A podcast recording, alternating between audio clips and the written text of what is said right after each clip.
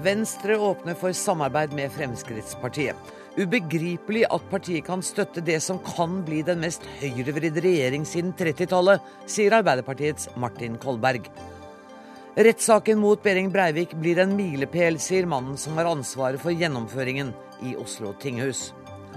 I dag fastholdt Høyesterett at forklaringen til Anders Behring Breivik ikke skal kringkastes, men kanskje er siste ord likevel ikke sagt og GPS-overvåking av demente kan redde liv, mener Hovedredningssentralen, og får støtte fra politikere og fra Datatilsynet.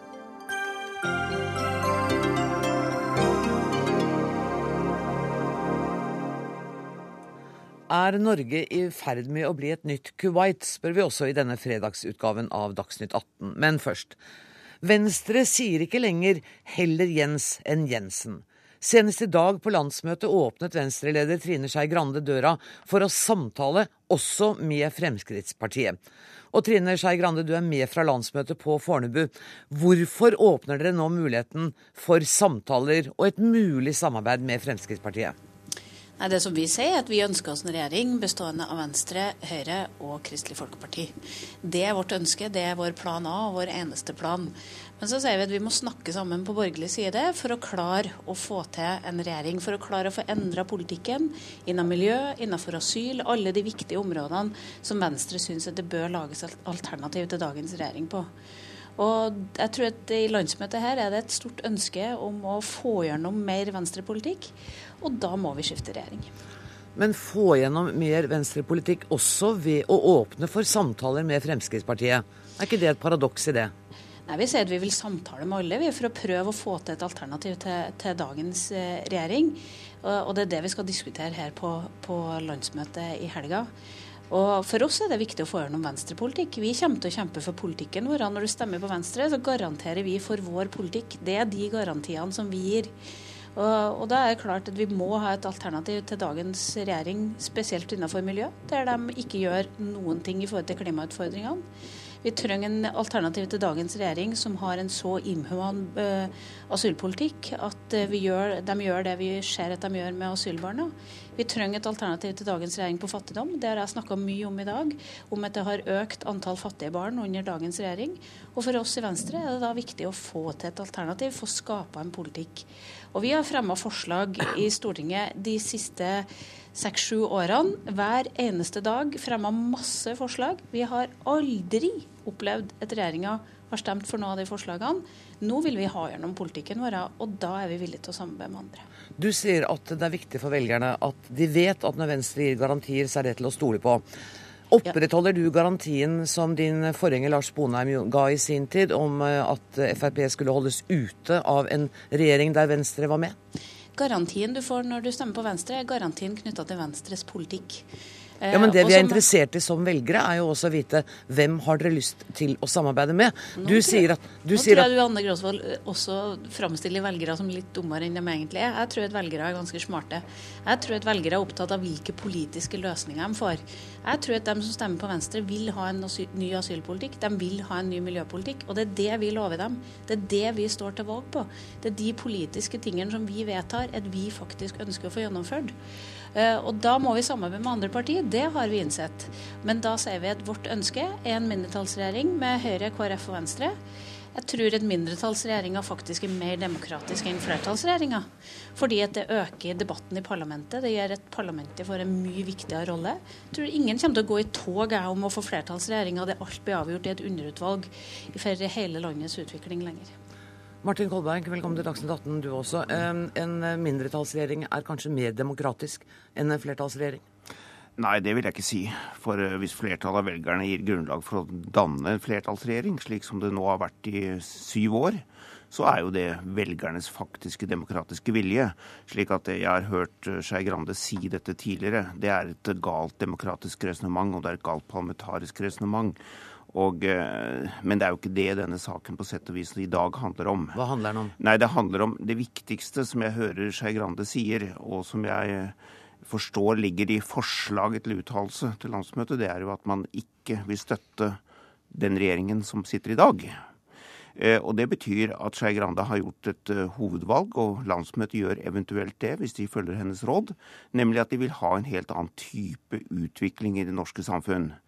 Og da, eh, da hører jeg nøye etter på det som Skei Grande sier her. Og det er jo forståelig sett fra hennes synspunkt at hun argumenterer slik. Men jeg vil si det slik, Trine, jeg tillater meg å si det, fordi vi kjenner hverandre og sitter i samme komité sammen, at det, det, det Jeg syns jeg blir trist inni meg. Fordi det jeg hører du sier, og som du inviterer ditt landsmøte til, det er altså å forlate den liberale tradisjonen som er en historisk tradisjon, og som ditt parti har båret på en veldig god måte i Norge. Fordi det å forsøke å si til det politiske Norge og til ditt landsmøte at du skal få bedre klimapolitikk, bedre asylpolitikk, at du skal få annerledes asylpolitikk med et høyreregime, og hvor du også åpner for relasjoner til Fremskrittspartiet, det holder ikke vann. Og dette, dette undergraver det som er kjernen i liberalismen, nemlig det enkelte menneskets frihet. Det vil bli mye dårligere, og demokratiet vil få helt andre kår ved at du inviterer Høyre og Fremskrittspartiet inn i regjeringskontorene, for det er det du i realiteten gjør. Det er dette, det er dette alvoret som det landsmøtet som du styrer, må ta inn over seg. Og det er her du forlater den historiske plassen som Venstre har hatt i norsk historie. Skei Grande. Ja, Det er alltid morsomt å høre Martin og diskutere forskjellen mellom sosialdemokratiet og liberalismen. Liberalismen har jo som utgangspunkt at vi lager en politikk for enkeltindividet. Men som jeg har brukt hele talen min på i dag, så handler det også om det å være liberal. Det handler om å ta ansvar for samfunnsutviklinga og ta tak i de store utfordringene. Og det vi har sett, da, det er at vi får til mer vi, i klimapolitikk, i miljøpolitikk, f.eks. i en by som Oslo, sammen med Høyre og KrF, enn det SV får til sammen med Arbeiderpartiet. Vi har sett ved at vi fikk til å gjøre ting nå med asylbarna når vi satt i regjering sammen med Høyre og KrF, for å få gjort noe for å få bedra eh, forholdene for asylbarn. Vi har sett at vi klarer å få gjort noen ting med f.eks. sosialhjelpssatser og alt det som handler om de fattigste barna, når vi sitter i byråd sammen med Høyre og KrF i Oslo. Så vi tror at vi skal klare å få til de grepene. Men det som Arbeiderpartiet har møtt oss med de siste sju årene, det er jo at de har stemt ned alt vi har foreslått. En slags arroganse, altså? Når vi hadde 25 endringsforslag på fordelingsmeldinga i Stortinget for å bekjempe fattigdom blant barn, så stemte regjeringa for ingen. Så vi har jo ikke akkurat opplevd at eh, det er på den sida vi klarer å få gjennomslag for politikken vår. Og vi ønsker faktisk å få gjennomført det, det vi går til valg på, vi. Jeg tror det er det ønsket og den frustrasjonen som ligger i denne salen. Og da ser vi at vi må samarbeide med andre. Og vi ser at vi tror etter gjennom en mindretallsregjering med Høyre og KrF, at vi får gjennomført mest av det. og det er jo et legitimt ønske Kolberg, fra et politisk parti å få gjennomslag for sine politiske standpunkter. Det er klart. Det, og dere har opptrådt kanskje litt arrogant i ja, forhold til det? det, er, det, det dette er litt, uh, med all respekt, uh, i ytterkanten av problemstillingen. For, uh, for Skei Grande sier her den store utviklingen i samfunnet. Mm. Hva er det som er Høyre og Fremskrittspartiets kjernepunkter når det gjelder alternativ utvikling til vår regjering? Det er skattelettelser i en størrelsesorden ca. 80 milliarder kroner i året. 80 milliarder kroner i året. Da kan man spørre seg hvor, hvor, store muligheter har Venstre da til å få igjennom en aktiv fattigdomspolitikk hvis, hvis velferdsstaten skal underfinansieres. Men Hun sier jo nettopp, hun viser jo til Oslo og erfaringene herfra. Ja, og men, der har det gått bra. Kanskje ja, kan det bringes opp på et nasjonalt nivå? Takket være at Oslos realøkonomi er betydelig bedret under den rød-grønne regjeringen, i motsetning til den regjeringen som Venstre satt i før 2005. Takket være det, og bare pga. det, har det vært mulig. Slik at det er å innkassere noe som egentlig regjeringen og stortingsflertallet har æren for. For de har gjort muligheten til Oslo på en måte som ellers ikke hadde vært mulig, verken for Venstre eller noen andre. Trine Skei Grande, du har altså denne regjeringa å takke for at det har gått bra i Oslo. Ja, nå tror jeg nok at denne regjeringa har å takke den veksten som har vært i økonomien i Norge. Husk på at det, når Bondevik II-regjeringa hadde åtte kroner, så har denne regjeringa ti kroner. Altså økninga i, i, i omsetninga som en regjering har til rådighet av penger, har økt fra åtte til ti eh, under denne regjeringa. Og, og, det bruker de gjerne til å fortelle at de har brukt mer penger til ulike formål, men det er faktisk veksten som vi i fellesskap har laga som samfunn, som har skapt den. Og vi har vært opptatt av den veksten og klare å bidra til den gjennom å ha fornuftige skatteletter som fører til vekst. Altså fornuftige skatteletter som fører til flere arbeidsplasser, som fører til å bli lettere for næringsdrivende å skape de arbeidsplassene.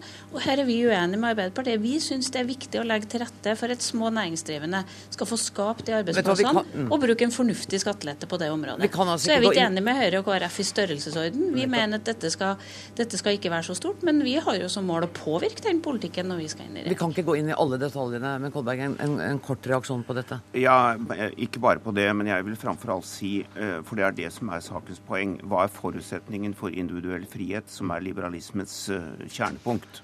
Og det er først og fremst at vi har et sterkt fellesskapssamfunn. Og retningen vil fundamentalt forandres med det vedtaket som eventuelt Venstres landsmøte gjør, hvis de åpner for en høyreregjering i Norge. Det er sakens poeng og kjerne, og ikke noe annet enn det. Og derfor blir jeg trist, for Høyre forlater sin politiske tradisjon med dette. Det at Kolberg blir trist, kommer vel ikke til å forandre din innstilling overfor landsmøtet, går ut fra. Jeg må si takk til Trine Skei Grande og til Martin Kolberg. Magnus Takvam, du er på Venstres landsmøte på Fornebu og dekker det for NRK. I hvilken grad var et regjeringsalternativ med Frp tema i talen til Skei Grande i dag? Det var eh, relativt eh, fraværende. Hun pekte på behovet for en ny regjering. Spørsmålet, riktignok, men i hovedsak så, så var hennes tale eh, en presentasjon av Venstres eh, egne saker og egne løsninger. Og det underliggende behovet var bl.a. å markere at det er en gjenkjennelig liberal politikk, en sosial politikk, og at partiet ikke er gått i ekstrem høyreretning, slik en del kritikere har hevdet etter dette linjeskiftet i regjeringsspørsmålet. Magnus Takkan, vi har eh, litt problemer, store problemer med å høre alt du sier, så jeg skal snakke litt med Trine Eilertsen mens eh, noen kanskje forsøker å reparere linjene ut til deg. Trine Eilertsen, du er sjefredaktør i Bergens Tidende, og du skriver i dag at Venstre står med ett bein i grøftekanten. Hva mener du med det? Da tar jeg utgangspunkt i den eh, grøften de ramlet i i 2009, da Lars Bonheim var så veldig tydelig på at han skulle ikke bidra til at Frp fikk innflytelse. Det var heller Jensen Jensen. Eh, og Det var han helt krystallklar på, og det var i praksis katastrofe for, eh, for Venstre. Og ikke minst Lars Bonheim personlig, som røk ut av Stortinget og mistet lederjobben og det hele, i det hele tatt. Og Nå sier jeg det at de står fremdeles med et bein der, hvis de har eh, tenkt til å, å, fortsette å være uklare på dette punktet. Noe partier har nok veldig tydelig bestemt seg for å ikke være. Og Du har jo skrevet i din kommentar i dag også at nå åpner de dørene virkelig for alle mulige samarbeidspartnere, altså bortsett fra Arbeiderpartiet, SV og Senterpartiet? Ja, altså de, eh, Venstre er veldig tydelig på at de vil ha et borgerlig regjeringsalternativ. Eh, og så er de veldig tydelige på hva som er førstevalget. Det er den regjeringen de satt i forrige gang. Eh, men så sier de også at i og med at et skifte er så presserende viktig for Venstre nå, eh, så vil de også se på andre muligheter å starte da om politikken. Men gå i samtale med Frp, det, det tror jeg de kommer til å bestemme seg for at de er åpne for. Vi har kontakt med Magnus Takvam igjen. og Magnus Takvam, Er det sånn at det er mer pragmatisme og mindre ideologi nå enn det var under Lars Bonheim? Jeg tror det er eh, det linjeskiftet som dere også var inne på, er jo et resultat av eh, da antagelig åtte år med rød-grønn eh, regjering.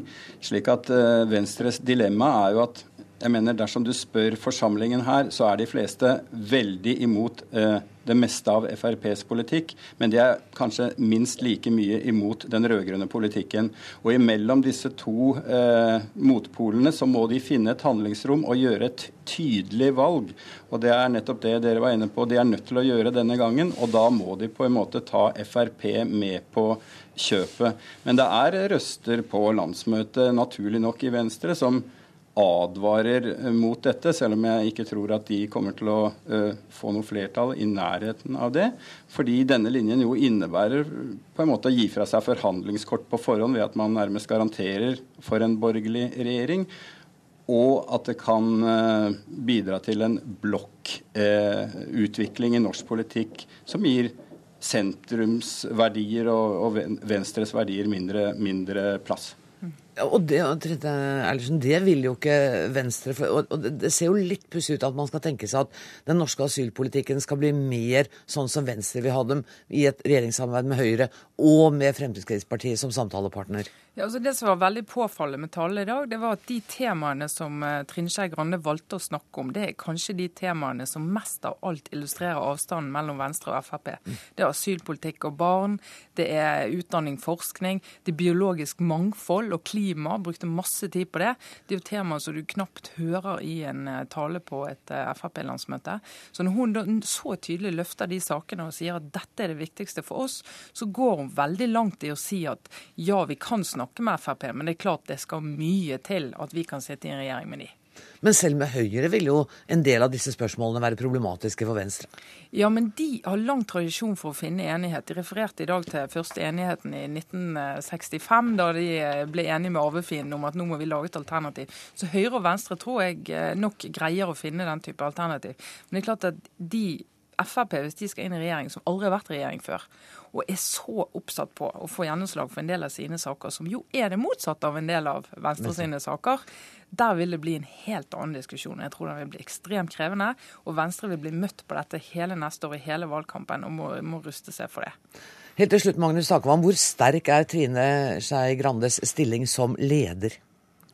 Jeg opplever at Trine Skei Grande står veldig sterkt i Venstre. Og det er kanskje nettopp en av grunnene til at den linjen som tross alt er kontroversiell, og som er en ny linje i forhold til regjeringsspørsmålet som vi snakker om her, at den får gjennomslag, nettopp er at hun jo har gått inn for den på landsstyremøtet osv. og markert at hun mener dette er en riktig politikk.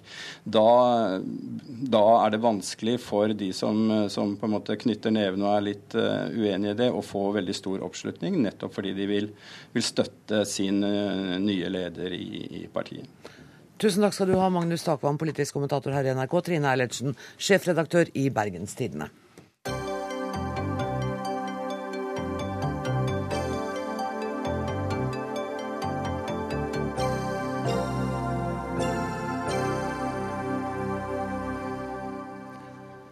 Mandag, ni måneder etter terroren i regjeringskvartalet og på Utøya, starter rettssaken mot Anders Behring Breivik. 811 fornærmede og etterlatte skal overvære saken. Det samme skal om lag 730 pressefolk, og 160 plasser er satt av til allmennheten. En av de mest omfattende rettssakene i norgeshistorien. Det er det du som har ansvaret for, sorenskriver i Oslo tingrett, Geir Engebretsen. Føler du nå at du er klar til å overlevere rettssal 250 og alle forberedelsene dine til denne saken? Vi har eh, arbeidet med planleggingen av denne saken eh, fra få dager etter 22.07.2011. Og det er jo et, eh, et, stort team som har jobbet med dette. Vi har jo vært veldig opptatt av at det spesielle med denne saken, alvoret i den, det store antallet berørte, og vi har prøvd å legge forholdene til rette slik at gjennomføringen skjer på en eh, trygg og ordentlig måte. At vi klarer å tilrettelegge gjennomføringen av denne saken, slik at også alle de som er så sterkt berørt, eh, får en, eh, en god opplevelse av dette rettsoppgjøret. Og at den skjer på en, en, kvalitativt god måte i verdige, gode og en god domstoltradisjon.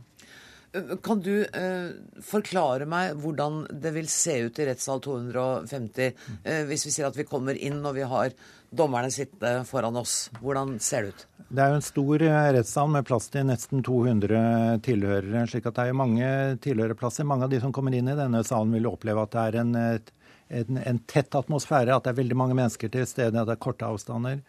Men eh, man har altså eh, seks dommere, da, to fagdommere og fire meddommere. Og eh, når man kommer inn i salen, så på høyresiden, så vil eh, tiltalte sitte sammen med sine forsvarere. Og på venstre side sitter eh, aktorene, de to statsadvokatene, og de tre koordinerende bistandsadvokatene. Og dette er jo på samme måte som i enhver norsk rettssal, og det er jo grunn til å understreke at dette er jo et en, en, straffesak. Mm. Det, er jo, det, er jo, det som er grunnlaget for det, de ti ukenes arbeid. Og Alt dette vil jo skje etter kjente domstolregler, eh, slik at eh, dette er jo et rettsoppgjør og ikke en eh, forestilling. Selv om det er et enormt medietrykk, Og tinghuset er jo omgitt nå av presseoppbygginger som vi, regner med at det er nesten 1000 journalister som vil følge dette i de første dagene. 1000 journalister? Eh, I Oslo tingrett kommer det til å være mange hundre journalister. Utenfor tingretten er det eh, flere store lokaler hvor det er mellom 400 og 500 journalister som vil følge saken utenfor tinghuset. Dere har, dere har, måttet tenke på alle mulige detaljer som har med sikkerhet å gjøre, med akkreditering. Jeg vet ikke hvordan dere reagerte da dere så at enkelte journalister har lagt ut bilde av akkrediteringskortene sine på de sosiale nettsidene? Jeg tror jeg vil si at vi ble litt overrasket. Eh, det er en mann som er vant til å bruke milde ord jeg har her nå. Nei, vi, det var overraskende og eh, jo helt eh, feilaktig bruk av et, eh, et viktig dokument som gjelder å skaffe seg adgang til tinghuset, og det bryter jo med alle sikkerhetsrutiner vi har. Så det er jo, det er jo ordnet opp i og ryddet bort. For det blir jo en, en, adgangskontroll, en sikkerhetskontroll for å komme inn i dette tinghuset. Det er jo en del av sikkerhetsoppbudet eh, rundt tinghuset. Jeg har snakket med en advokat som hadde vært der og sett på da dere hadde omvisning, og at eh, de vitnene må være forberedt på at de sitter ganske nær tiltalte som jeg sier, det er ganske nære, korte avstander. Dette er jo en arbeidsplass. Det er jo en, eh, en rettssak. Eh, det skal være kommunikasjon. Man skal eh, kunne gi en forklaring, spørre ut, forklare og, og oppklare kompliserte og krevende spørsmål. Og da er det jo uhensiktsmessig om avstandene blir for stor. Så dette er et nært rom. Eh, samtidig som det er et eh, stort rom med veldig mange mennesker. Men når denne saken kommer i gang, er jo jeg overbevist om at eh, det blir rettssalstradisjonen som tar over, og, og, da dreier det seg om en, en nøktern og granskende utspørring og avklaring av de forholdene denne saken egentlig gjelder. Men, men, har dere tatt høyde for at det kan være for belastende for noen av de berørte å stå og snakke så nær tiltalte når de skal vitne? Vi har forsøkt å legge forholdene til rette eh, slik at det ikke skjer en overbelastning av vitner. Det er jo mange unge mennesker som eh, er nødt til å møte i Oslo tingrett for å avgi vitneprov. Det er laget egne rutiner for å skjerme disse eh, på vei inn og ut av tinghuset. Det er bygget opp et helsefaglig tilbud, slik at alle som får ekstraordinære utfordringer av helsefaglig karakter vil kunne få hjelp der og da. Og da er vi over på ditt fagområde. Grete Dyb, du er spesialist i barne- og ungdomspsykiatri ved Nasjonalt kunnskapssenter for vold og traumatisk stress. Eh, virker det mm, beroligende det Ingebrigtsen sier om at det finnes eh, hjelpe helsepersonell på plass? Ja, Det er veldig viktig at det er lagt eh, til rette for at disse ungdommene skal både bli veldig godt forberedt og at de skal føle seg trygge når de skal inn og vitne. Eh, og Det forstår jeg at både bistandsadvokaten og tingretten har jobba veldig mye med. Og I tillegg så er det jo skaffa tilgang til helsepersonell, men også andre støttepersoner. Eh, både i forkant av rettssaken og under rettssaken. Eh, og i den grad de måtte ønske også på hjemstedet. Men nå er det jo ikke slik at det tar bort all belastning. Det er jo et sikkerhetsnett, kan du tenke deg, som blir lagd rundt så godt man, man kan. Eh, men man kan jo ikke ta bort den belastningen eh, det kan være å stå der og bli trigga på to ting, tenker jeg. Det ene er sin egen historie, som de selvfølgelig har fortalt mange ganger, og som de er forberedt på. Uh, det kan være tøft, men, men, den kjenner de. Men det andre er jo å bli kjent med andres historie. Uh, andres smerte, som de kanskje til nå har skjerma seg for. Det vil bli vanskelig å skjerme seg for nå. Dere har laget eh, noen punkter eh, som skal gi det er jo ikke råd som gjelder alle, for vi er jo forskjellige og reagerer på forskjellig måte. Men kan du si noe om de punktene? Altså, vi, vi har fått en del henvendelser. Jeg heter sånn og sånn, og jeg var på Utøya. Syns du jeg skal være i rettssalen? Altså, det, det er ungdommer der som lurer på hva er riktig å gjøre. Og vi har lagt vekt på at det som er riktig å gjøre, det som er riktig for deg. Eh, og kanskje først og fremst tenkt på hva er viktig for deg i ditt liv akkurat nå.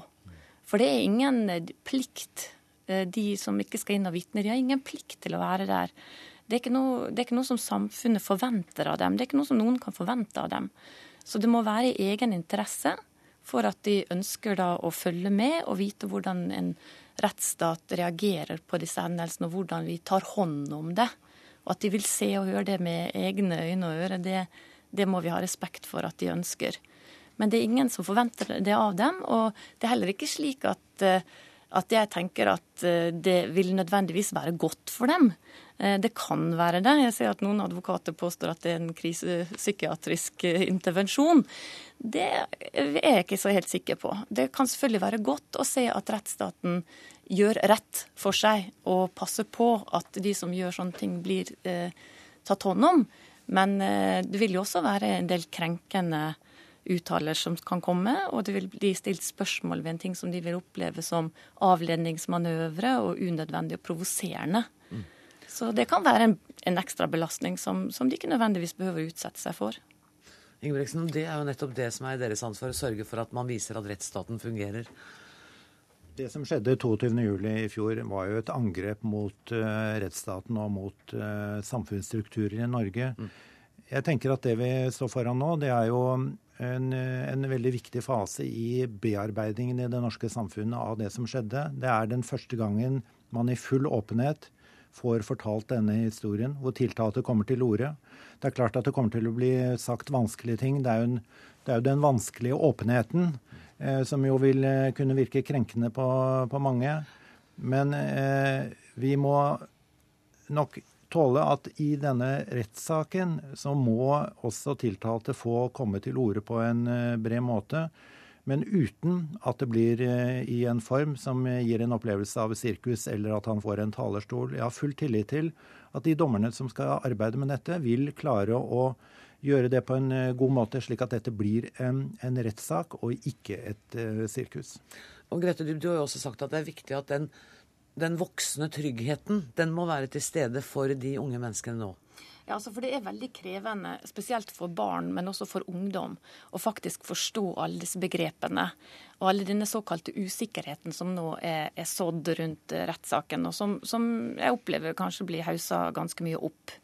Eh, veldig mye av det som har skjedd er jo vanlig i rettssaker. Eh, det, det er ikke så uvanlig kanskje at det er to rapporter, til og med. Eh, det er ikke så uvanlig at, eh, for, at forsvarer ønsker å gå for frifinnelse. Altså, dette er en helt vanlig prosedyre i rettssaken, og jeg er veldig glad for å høre at bistandsadvokatene har gjort godt arbeid i forhold til å forberede ungdommene på det. Men for barna ute i samfunnet er det ganske krevende å forstå alle disse tingene. Det er viktig synes jeg, at vi også signaliserer at det er trygghet for at denne personen ikke er farlig, og den ikke er farlig for barn i norsk samfunn i dag. Mandag starter eh, rettssaken. Eh, det blir interessant å følge hvordan dette utvikler seg. Tusen takk til Grete Dyb, eh, spesialist i barne- og ungdomspsykiatri, og Geir Engebreksen, sorenskriver i Oslo. Da skal vi til nyheten om at norske medier ikke får overføre forklaringen til Anders Behring Breivik. Høyesterett avviste i ettermiddag anken fra Redaktørforeningen over tingrettens beslutning om ikke å tillate overføring. Erling Moe, informasjonsansvarlig i Domstolsadministrasjonen. Hvorfor ble anken avvist i dag?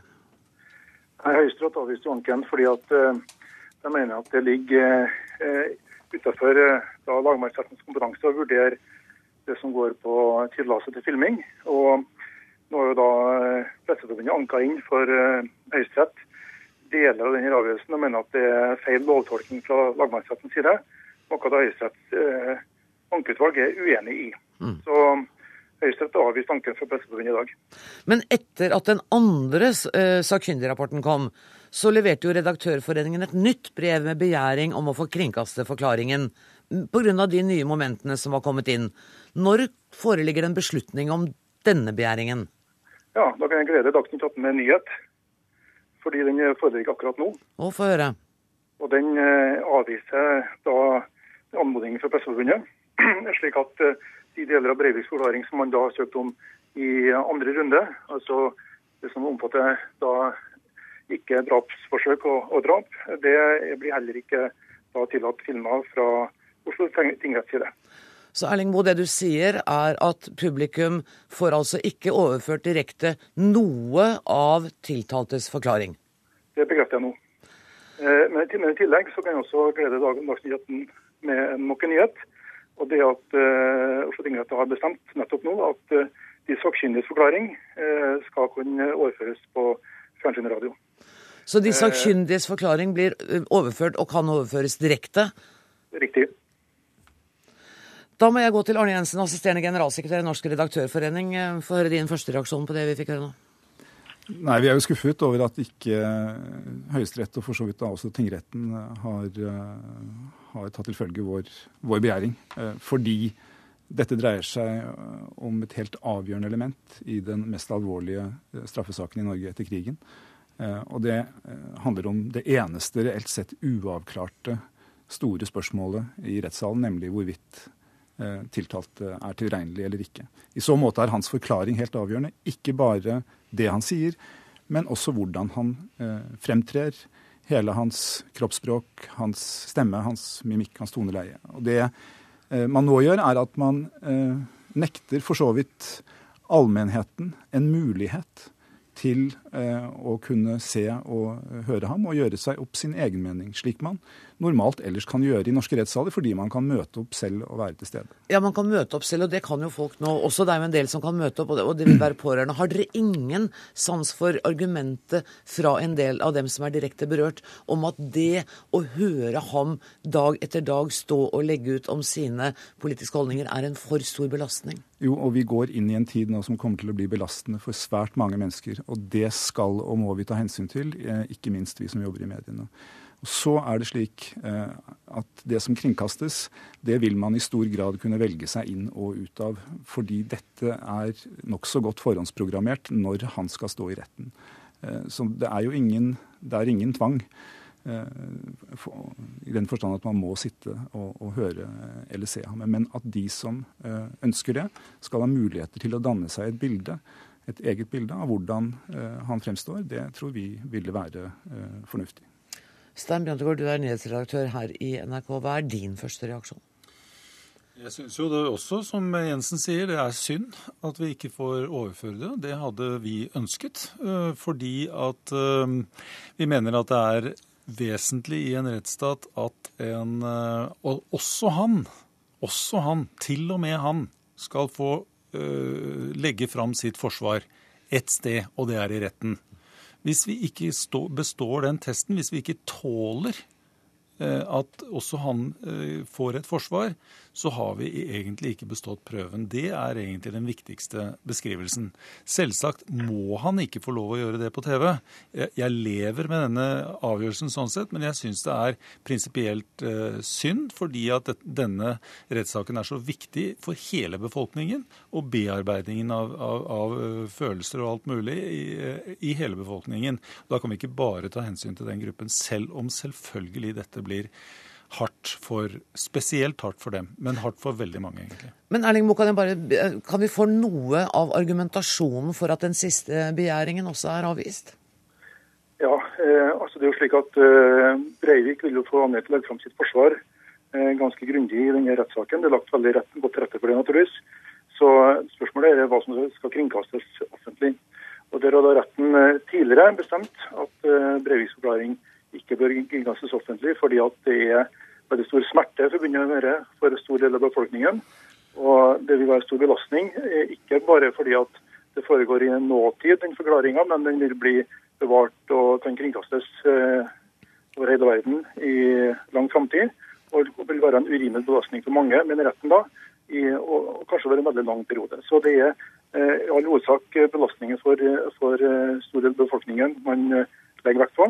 Så den nye, rapporten, det nye argumentet med at det har kommet en ny eh, rapport som sier det motsatte av den forrige, det har ikke vært av avgjørende betydning for den beslutningen som er tatt? Nei, nei retten mener i dag at uh, det er samme argumentasjon som ligger til grunn for å vise deler av Breiviks forklaring, som eh, omfatta den forrige søknaden om å vise hele Breiviks forklaring. Mm. Fordi at eh, Retten har vært på altså avveining mellom stor interesse, stor allmenninteresse, og stor smerte for store deler av befolkningen, så vektlegger da retten avgjørende det siste. Mm. Og så vil jeg også føye at uh, det er jo et poeng at uh, Breiviks forklaring vil jo, vil jo vise, vil jo kunne stenograferes og formidles videre av pressen. Grundig, så Allmennheten får jo fullt ut innsyn i hans forklaring. Det er ikke, det er ikke lagt en lokk på den, men det er snakk om filming og kringkasting. Og I tillegg så mener også retten nå som før at Breiviks forklaring kan bli påvirka, og at den da kringkastes, og at den vil da forandre eller eh, vanskeligere opplysning av saken for retten. Arne Jensen, da er altså siste ord sagt? Det kan virke slik. Eh, jeg tror eh, det dummeste vi gjør eh, i denne saken, i forhold til at vi både for, for, de enkelte, men også som samfunn skal komme oss best mulig gjennom den og komme oss best mulig videre, det er å unngå å skape myter og skape bilder som vi ikke har sett. Eh, og det, sånn sett så mener jeg at det er en rar beslutning. Og jeg tror i et historisk perspektiv, hvis vi møtes igjen om fem eller ti år, så tror jeg vi kanskje kommer til å undres noen flere enn i dag på hvorfor gjorde vi det egentlig på denne måten. Takk til deg, Arne Jensen fra Norsk redaktørforening. Takk også til Erling Moe, informasjonsansvarlig i Domstoladministrasjonen. Og Stein Bjøntegård, jeg ser gjerne at du blir med litt til. Fordi eh, som nyhetsredaktør her i NRK NRK har altså ansvaret for å filme retts saken, men vi får altså bare kringkaste deler av den da etter eh, den nyheten som kom nå. Nå er det endelig besluttet. Denne rettssaken må jo bety ganske store journalistiske utfordringer for NRK. Hva er det vanskeligste? Det er veldig mange journalistiske utfordringer. Det, det er jo uh, egentlig å på en måte formidle det som skjer, som er hovedjobben vår. Uh, og det har vi veldig mange journalister til å gjøre. Vi er vel en uh, drøyt 30 journalister hver dag der nede, så det kommer til å bli ganske massivt. Og vi tar sikte på å gjøre det, og det klart, gjøre det på en skikkelig måte hele tiden. og, og det er jo både på nett, TV og radio, eh, så er jo dette en ganske voldsom satsing, egentlig. Eh, utfordringene kommer jo på det etiske området. Hva skal vi kringkaste eller eh, formidle, og hva skal vi ikke formidle? Og der har vi laget noen retningslinjer som jeg mener er ganske restriktive på sett og vis. Vi mener at det problematiske i hele saken er gjerningsbeskrivelsene, og særlig når du kombinerer hvordan eh, de ulike mm, ja, drapene, og for så vidt også de som da ble skadet, hvordan det skjedde, og uh, hva som, det konkrete som skjedde i hvert enkelt tilfelle. Det så beskrivelsen av dette Beskrivelsen er, og særlig knyttet til navngitte personer, da blir det helt håpløst for oss å formidle det. Og det skal vi ikke sende direkte? De detaljene skal ikke kringkastes direkte? Nei, altså allerede i tiltalebeslutningen så står jo veldig mye av det. Det er det første som skjer i retten etter, etter at retten er satt, egentlig. Så leses tiltalebeslutningen, og der står jo dette detaljert beskrevet. Og da må vi rett og slett dra ned spaken på lyden, og det vil folk eh, merke veldig godt. Både i det vi kringkaster på TV, radio og, og på nettet er det også en bildedekning. Og der sitter det ett menneske og bare sier at nå må vi dra ned? Ja. Og hvem er det? Det er meg. Skal du følge rettssaken i alle, sitte der nede i alle ti ukene? Nei, altså nå øh, hadde jeg jo fått en større jobb øh, hvis vi hadde fått lov å kringkaste Behring Breiviks øh, forklaring. Det får vi ikke, så dette er jo først og fremst dag én under lesingen av tiltalebeslutningen. Så kommer da eh, aktoratets innledningsprosedyre, som da også vil bli utfordrende når det gjelder eh, hva vi kan kringkaste og ikke. Og der gjelder jo noe av det samme. Det er altså helt spesielle ting som eh, kommer, kan komme fram i retten som har med detaljer og personer å gjøre. Og kan, det kan også være eh, lyd og, og, den typen ting som vi rett og slett ikke ønsker å kringkaste fordi det blir for støtende. Eh, når vi kommer til det vi egentlig diskuterte med Erling Moe nettopp, altså eh, har vi om vi skal få lov å formidle hans politiske budskap, eh, hans motivasjon for det han gjorde, så mener jeg det er mye mer uproblematisk. fordi at nå er anledningen til å høre hva er egentlig hans forklaring. Nå må det altså gjøres i referatform. Ja. Tusen takk for at du kom i studio, nyhetsredaktør Stein Bjøntegård.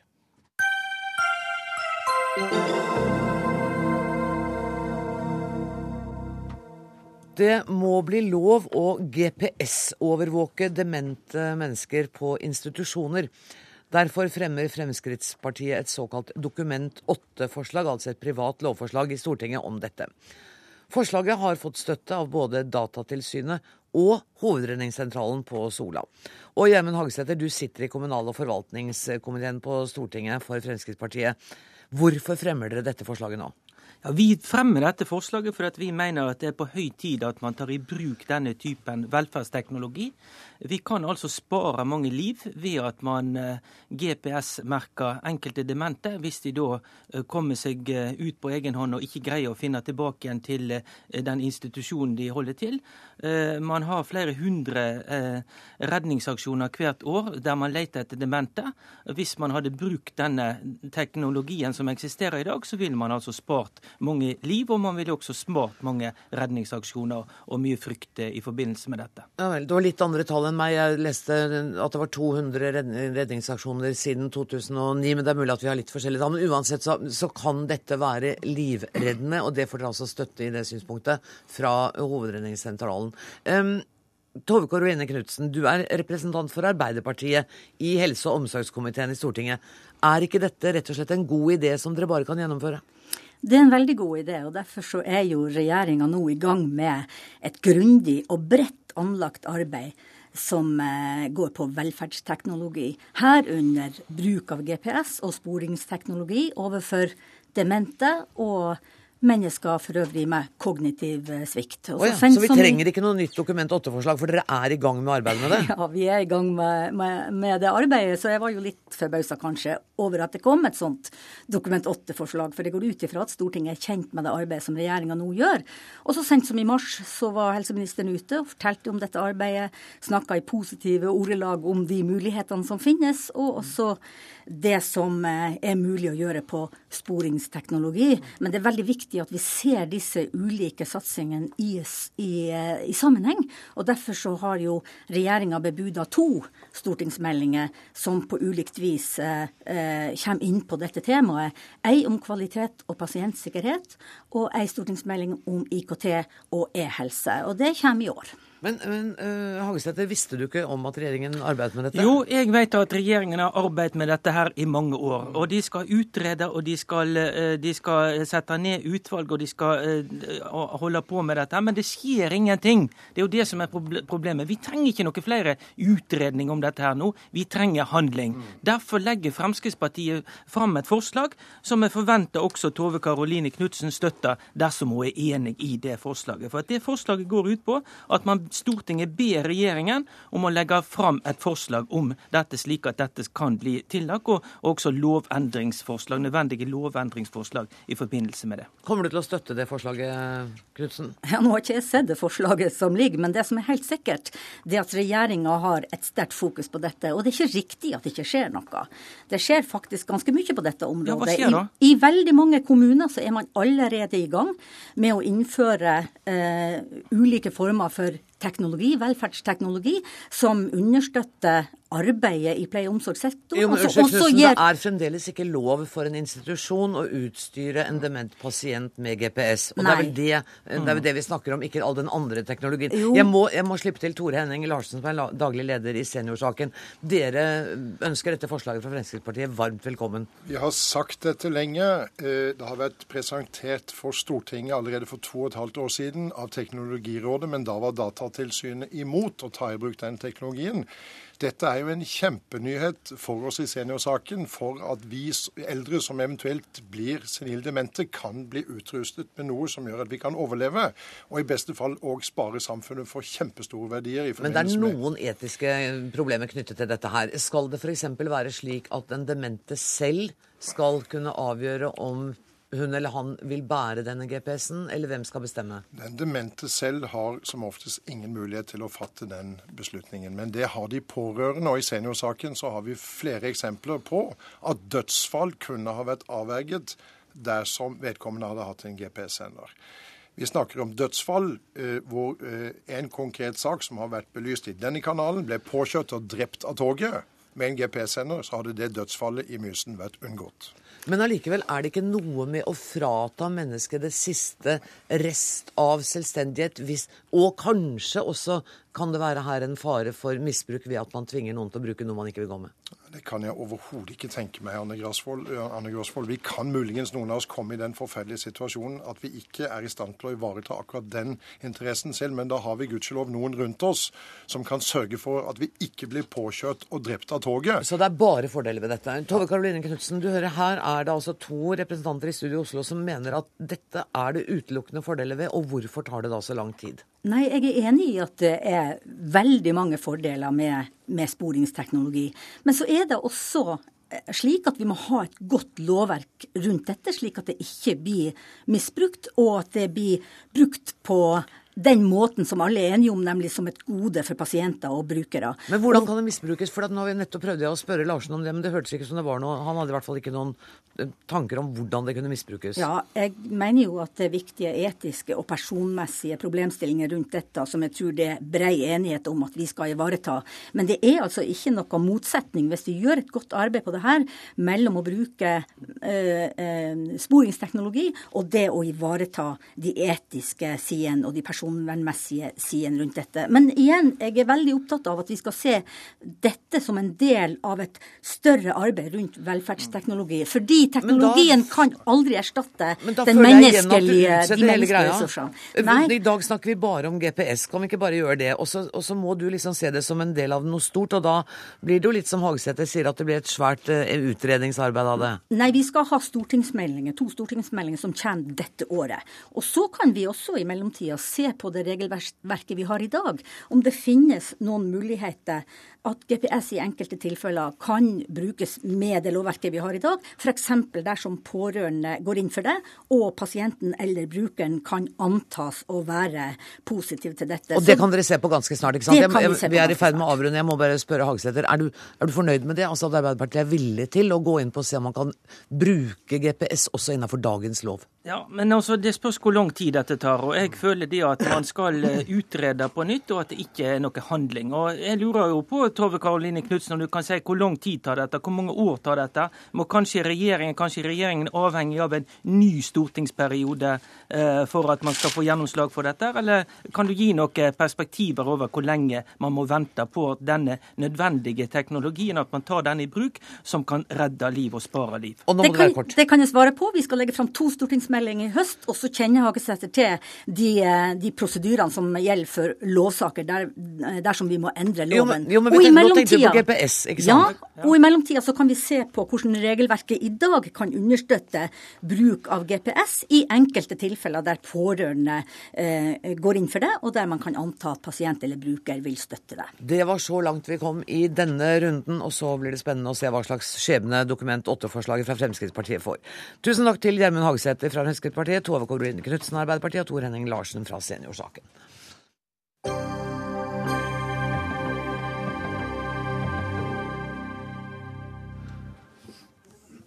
Mens Europa fortsetter inn i en spiral av høye renter og arbeidsledighet, seiler annerledeslandet Norge videre. Renta er rekordlav, det samme er arbeidsledigheten, mens boligprisene de fortsetter til himmels, kan det se ut som. Er dette et sunnhetstegn, eller vil det gå galt med oss før eller siden? Kristian Anton Smedshaug, du er daglig leder av Landbruksutredning, Landbruksutredningskontor og forfatter av boka Gjeld. Kan vi fortsette på samme ufortrødne måte? Jeg tror vi har vært usedvanlig heldige hittil, men jeg har ikke noe tro på at det kommer til å vedvare i bare en trendforlengelse av det vi opplever nå. For som Norsk Industri har sagt, så har vi en todeling av eh, dagens uh, norsk industri, med oljesektor som går veldig bra, og mye annen industri som enten flagger ut, blir solgt ut eller blir nedlagt. Vi har en kredittvekst som er helt gedigen. Norske husholdninger ligger på en 220% gjeld av disponibel inntekt. Det er på verdenstoppen. Og vi har en betydelig mangel på bolig boliger i dette landet her, og en høy innvandring som gjør at det presser systemet. Hva ser du for tidsperspektiv før vi liksom må ta skjeen i en annen hånd, som det heter? Jeg tror egentlig ikke det avgjøres her hos oss, fordi at eh, det avgjøres når du får de store utfordringene i runde to i Europa. Hvis Spania får problemer med finansieringen og rentene løper løpsk der, og ECB og resten av systemet der ikke greier å stoppe den situasjonen, så vil det forplante seg til oss, det vil forplante seg til etterspørsel, og det vil endre vår psykologi. Det vil gå først i eh, fritidsboliger, og så vil det komme i vanlige boliger, frykter jeg. Men sånn som det er nå, så har jeg hørt brukt ordet kuwaitifisering av Norge. Hva, hva er det? Ja, det er jo eh, mange kjennetegn på det, og det er sikkert forskjellig fra hvert land. Men altså, det går jo på det at A, den befolkningen som er i utgangspunktet, vil ha stadig bedre og bedre jobber, så du må ha inn folk i bånn for å gjøre de jobbene som ikke lenger er så attraktive. Du sliter kanskje med å utdanne håndverkere og, og folk til eh, praktiske fag. Du øker eh, gjeldsmengden, og du får en veldig finansialisering av deler av samfunnet. Og du mister en del av produksjonssektoren din, er da visse kjennetegn. Betyr det at du er enig med Per Valbrokk, redaktøren for nettavisa E24, som skrev under overskriften 'Industrien kan ikke reddes'? Jeg frykter at han spissformulert sett kan ha rett, og jeg tror det er veldig viktig at vi tar den debatten mens den ennå kan reddes. Og så får vi bli enige om, eh, tror jeg etter mitt skjønn, at vi skal redde den. For eh, hvis vi fortsetter sånn som du gjør nå, med utflagging, med salg av sentrale industribedrifter og med rene nedleggelser, som vi ser nå i stor grad i skogindustrien, så vil vi om to-tre år risikere at vi får et delvis avindustrialisert Østland og et veldig industrialisert kystområde som går på offshore og maritim. Og det er ikke vi tjent med som land. Per Valbrokk, ehm, det var du som skrev dette. Ehm, er du enig i det, at vi må kjempe mot denne avindustrialiseringen? Eh, ja, Både ja og nei. Jeg tror jo at eh, den utviklingen norsk økonomi tar, med en stadig eh, tydeligere todeling mellom olje- og offshorerelatert industri og annen industri, så er, den er vanskelig å stoppe. Fordi Norge er en oljeøkonomi og kommer til å forbli det i lang tid fremover. Er det det vi kommer til å leve av? liksom Hårklippe olje om 20 år? Nei, jeg tror ikke det. Jeg tror jo eh, at vi kommer til å ha industri som ikke handler om olje og offshore. Eh, men eh, den, den tradisjonelle møkkete kjeledressen er nok på, i stor grad på vei ut av norsk industri. Det vil nok bli vesentlig mer kompetansekrevende fremover. Finn Langland, du er kommunikasjonsdirektør i Norsk Industri. Den tradisjonelle industriarbeideren vil i hvert fall være borte.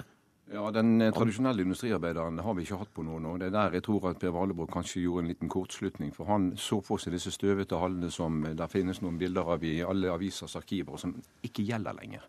Altså, I industrien i dag så er situasjonen den at blant våre medlemsbedrifter som 125 000 ansatte, så har eh, over halvparten høyere utdanning. Og 44% har ingeniør, sivilingeniør eller doktoringeniørutdanning. Og det er klart at Jobben i industrien i dag for en operatør det er å betjene ekstremt kompliserte maskinelle eh, utstyr, datamaskiner etc. På Borregaard sitter de i et nytt kontrollrom og kontrollerer 15 produksjonslinjer samtidig. Mm. Det er fire-fem operatører på vakt. Det er et lite eventyr, det som skjer i industrien. Det er litt synd at ikke pressen har viet det større oppmerksomhet. For det som skjer i industrien, det er at verdiskapingen går i været for hvert år som går. Ja, nei, det er, jo, eh, det er, jo, eh, enkelt å komme med anekdotiske eksempler som, som, viser at industrien er i eh, høyst levende grad.